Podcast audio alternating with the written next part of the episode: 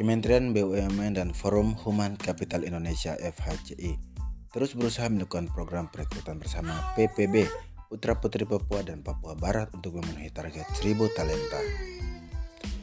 Dasar pelaksanaan PPB Putra Putri Papua dan Papua Barat tersebut merujuk pada kebijakan Presiden Republik Indonesia untuk merekrut tenaga kerja yang berasal dari putri-putri terbaik Papua dan Papua Barat sejumlah 1000 orang untuk ditempatkan di BUMN BUMN di seluruh Indonesia. Hal itu disampaikan Presiden Joko Widodo pada pertemuan dengan tokoh-tokoh Papua di Istana Negara Jakarta tanggal 10 September 2019.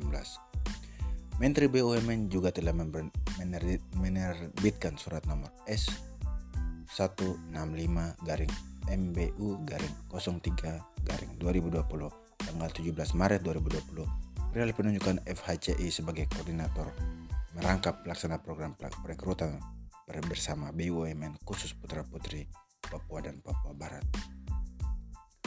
Tujuan program PPB Putra Putri Papua dan Papua Barat tersebut jelas untuk memberikan kesempatan kepada putra putri terbaik Indonesia dari Papua dan Papua Barat untuk bergabung di seluruh BUMN sebagai tempat belajar bertumbuh dan berkontribusi untuk Indonesia dengan mendepankan nilai-nilai akhlak, amanah, kompeten, harmonis, loyal, adaptif, dan kolaboratif menuju Indonesia maju dan berbudaya saing global.